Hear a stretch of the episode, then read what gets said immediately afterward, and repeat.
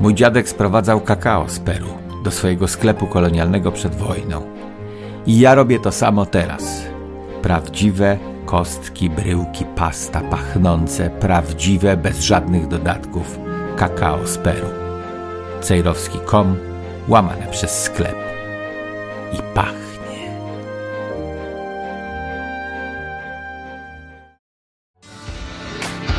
Studio Dziki Zachód. Dzień dobry. Dzień dobry, a nawet e, dobry wieczór tutaj z tej strony. Jaśmina Nowak. Chwilkę przed czasem zaczęliśmy. Zaskoczona jestem tym dżinglem tak szybko. No, realizator się pośpieszył, nie szkodzi. E, skoro zaczęliśmy przed czasem, to może powiem o tym, że jestem poza czasem najwyraźniej. Dostałem godzinę temu zawiadomienie od kolegi, że nie żyję. E, przysłał mi zawiadomienie. To jest jakiś talking about news i to jest news sponsorowany, proszę pani, w polskiej sieci chodzi. E, kraj stracił jednego z najbardziej zaufanych dziennikarzy. Lubiany nie jestem, ale zaufany mogę być, bo poglądów nie zmieniam, czyli w to można przynajmniej ufać od czasu WC Kwadransa. I smutny dzień dla Polski. Żegnamy Wojciecha Cejro i potem dowiedz się co więcej, ale e, nie klikałem teraz przed audycją. Więc pani rozmawia z nieboszczykiem. Z tego wynika. A ja z kolei, jako nieboszczyk, mam kolosalną szansę na wywiad z Bidenem, bo on też rozmawiał ostatnio z nieboszczykami. Przez ostatnie półtora roku mu się to zdarzyło co najmniej trzy razy. A w, teraz do NATO niedługo przejdziemy, ja i pani, do tematu NATO. E, no to na spotkaniu ważnych przywódców w Europie niedawno rozmawiał z Mitterrandem i z Helmutem Kohlem którzy już nie żyją od dłuższego czasu. Więc ja też mam szansę, że przy, przyjedzie na zebranie NATO albo z innej okazji Biden do Europy i ze mną porozmawia, wtedy wywiad przeprowadzę. Ma pan taką szansę, jak ja zatrudniałam się w radiu już wiele lat temu, to, to powiedziałam do pana Krzysztofa, że moim największym marzeniem i takim zadaniem dziennikarskim byłoby przeprowadzenie wywiadu, ale z Donaldem Trumpem, a nie z Bidenem. E, więc e, mhm. tak, tak, więc tutaj jest Trumpem. O Trumpie też dzisiaj... Skowroński mi to też proponował. Leniwy jest. Proponuje to samo wszystkim po kolei. E, powiem pani, e, dzisiaj do radia nie przyszedł, bo tam chrypkę ma, czy coś mi pani napisała, więc już wiedziałem, że Jaśmina Nowak dzisiaj z Cyrowskim będzie występować. Mamy swoje grono, proszę pani, zwolenników, którzy mi piszą zawsze, jak z panią wystąpię, że oni by woleli, żeby zawsze Cejrowski był z panią Jaśminą.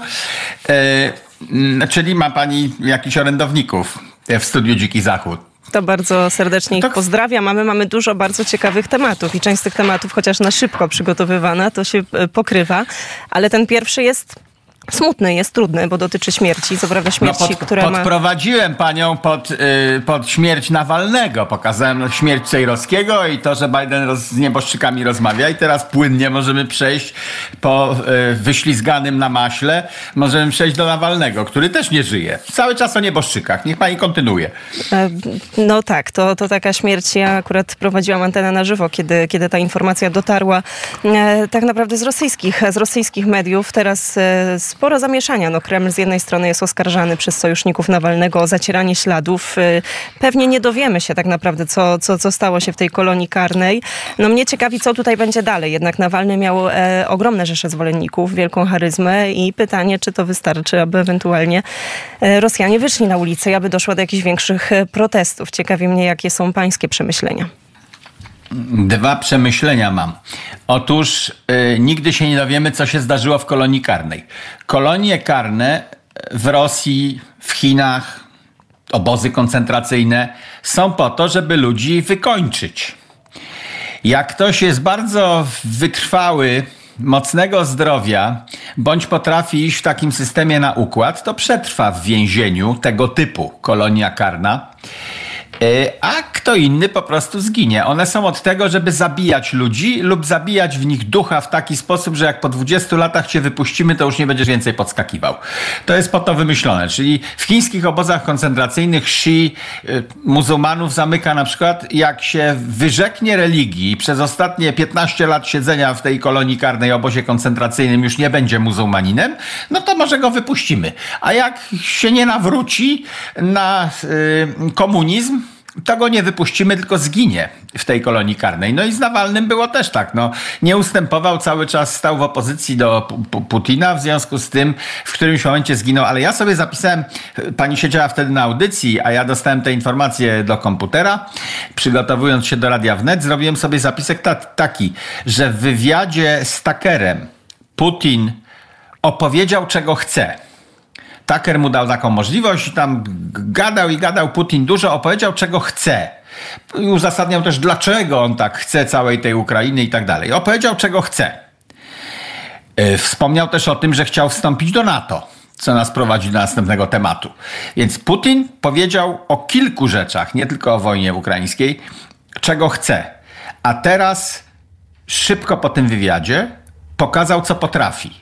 Żeby sobie ludzie nie pomyśleli, że on chce tego, czego chce, jako jakaś inna osoba, że dokonał w sobie rewolucji czy czegoś. Nie, to jest ten sam Putin, on nam to mówi.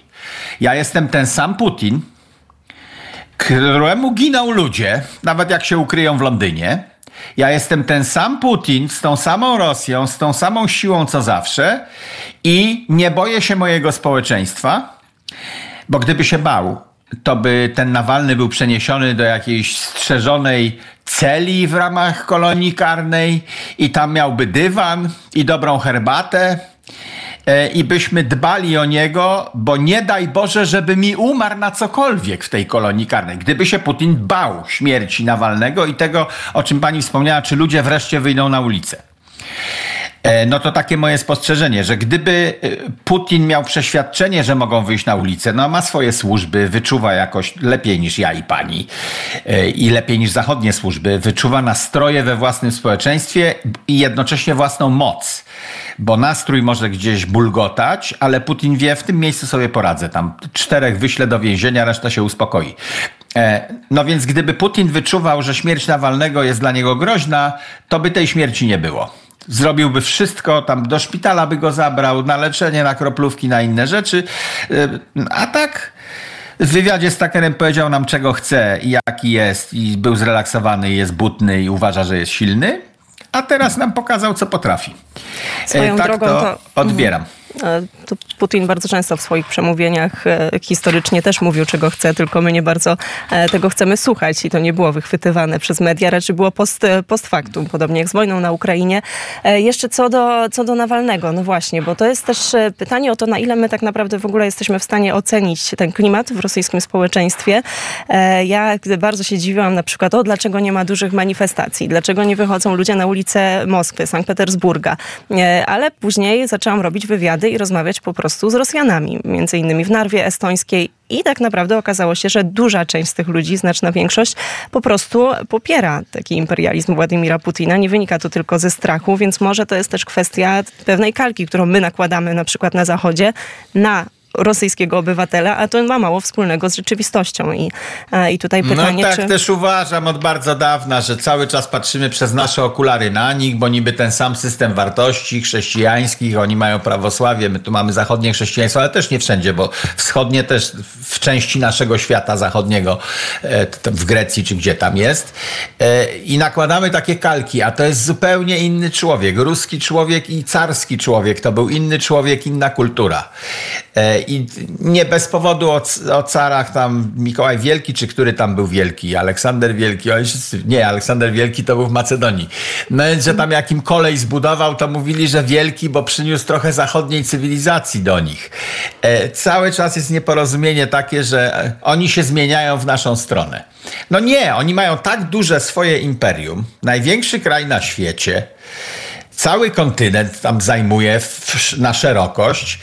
E, I oni nie mają prawdopodobnie też takiej wewnętrznej potrzeby, żeby się zmienić na przykład we Francuza. To lokalnie ktoś może chcieć być bardziej francuski, albo jak ci Nawalny i reszta spółki jeździli do Londynu, to oni może chcieli zostawać też Rosjanin, który jest kulturalnym Londyńczykiem jednocześnie, ale dalej Rosjanin.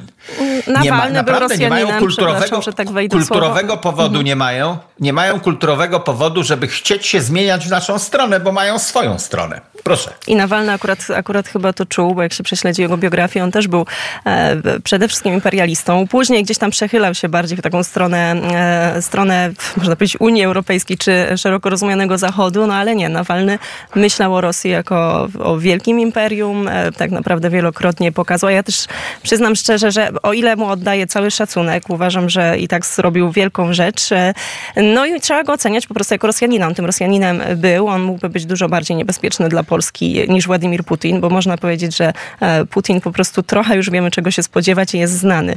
Natomiast e, Nawalny było tyle bardziej niebezpieczny, że też był wielkorusem, też był wielką imperialistą. Nie wierzę w to, że mężczyzna, który przez kilkadziesiąt lat swojego życia, od młodych czasów, tam nastoletnich, studenckich, chodził na wiece, bratał się z rosyjskimi nacjonalistami, zmienił się nagle przez kilka lat i tak bardzo zmienił całą swoją ideologię e, i postrzeżenie świata, że, że nagle e, chciałby Rosji takiej potulnej i spokojnej. No ja w takie rzeczy nie wierzę, ale to tylko moje Ale zdanie. w życiu trzeba pamiętać, ludzie tak się pochylają ze smutkiem nad kolejnym zabitym.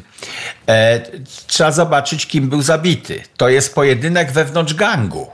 I kiedy gang w Chicago, czy gang w Nowym Jorku, czy gang w Warszawie, Wołomińska i Otwocka, były dwie mafie. Jak oni zabijają jednego ze swoich, takich głośnych, jakiś kiełbasa albo inny Pershing, jak ginie z rąk swoich przeciwników, ale nadal gangsterów, no to nie pochylamy się z żalem o biedna kiełbasa. Biedny kiełbasa, że go zastrzelił ten Pershing, czy kto tam.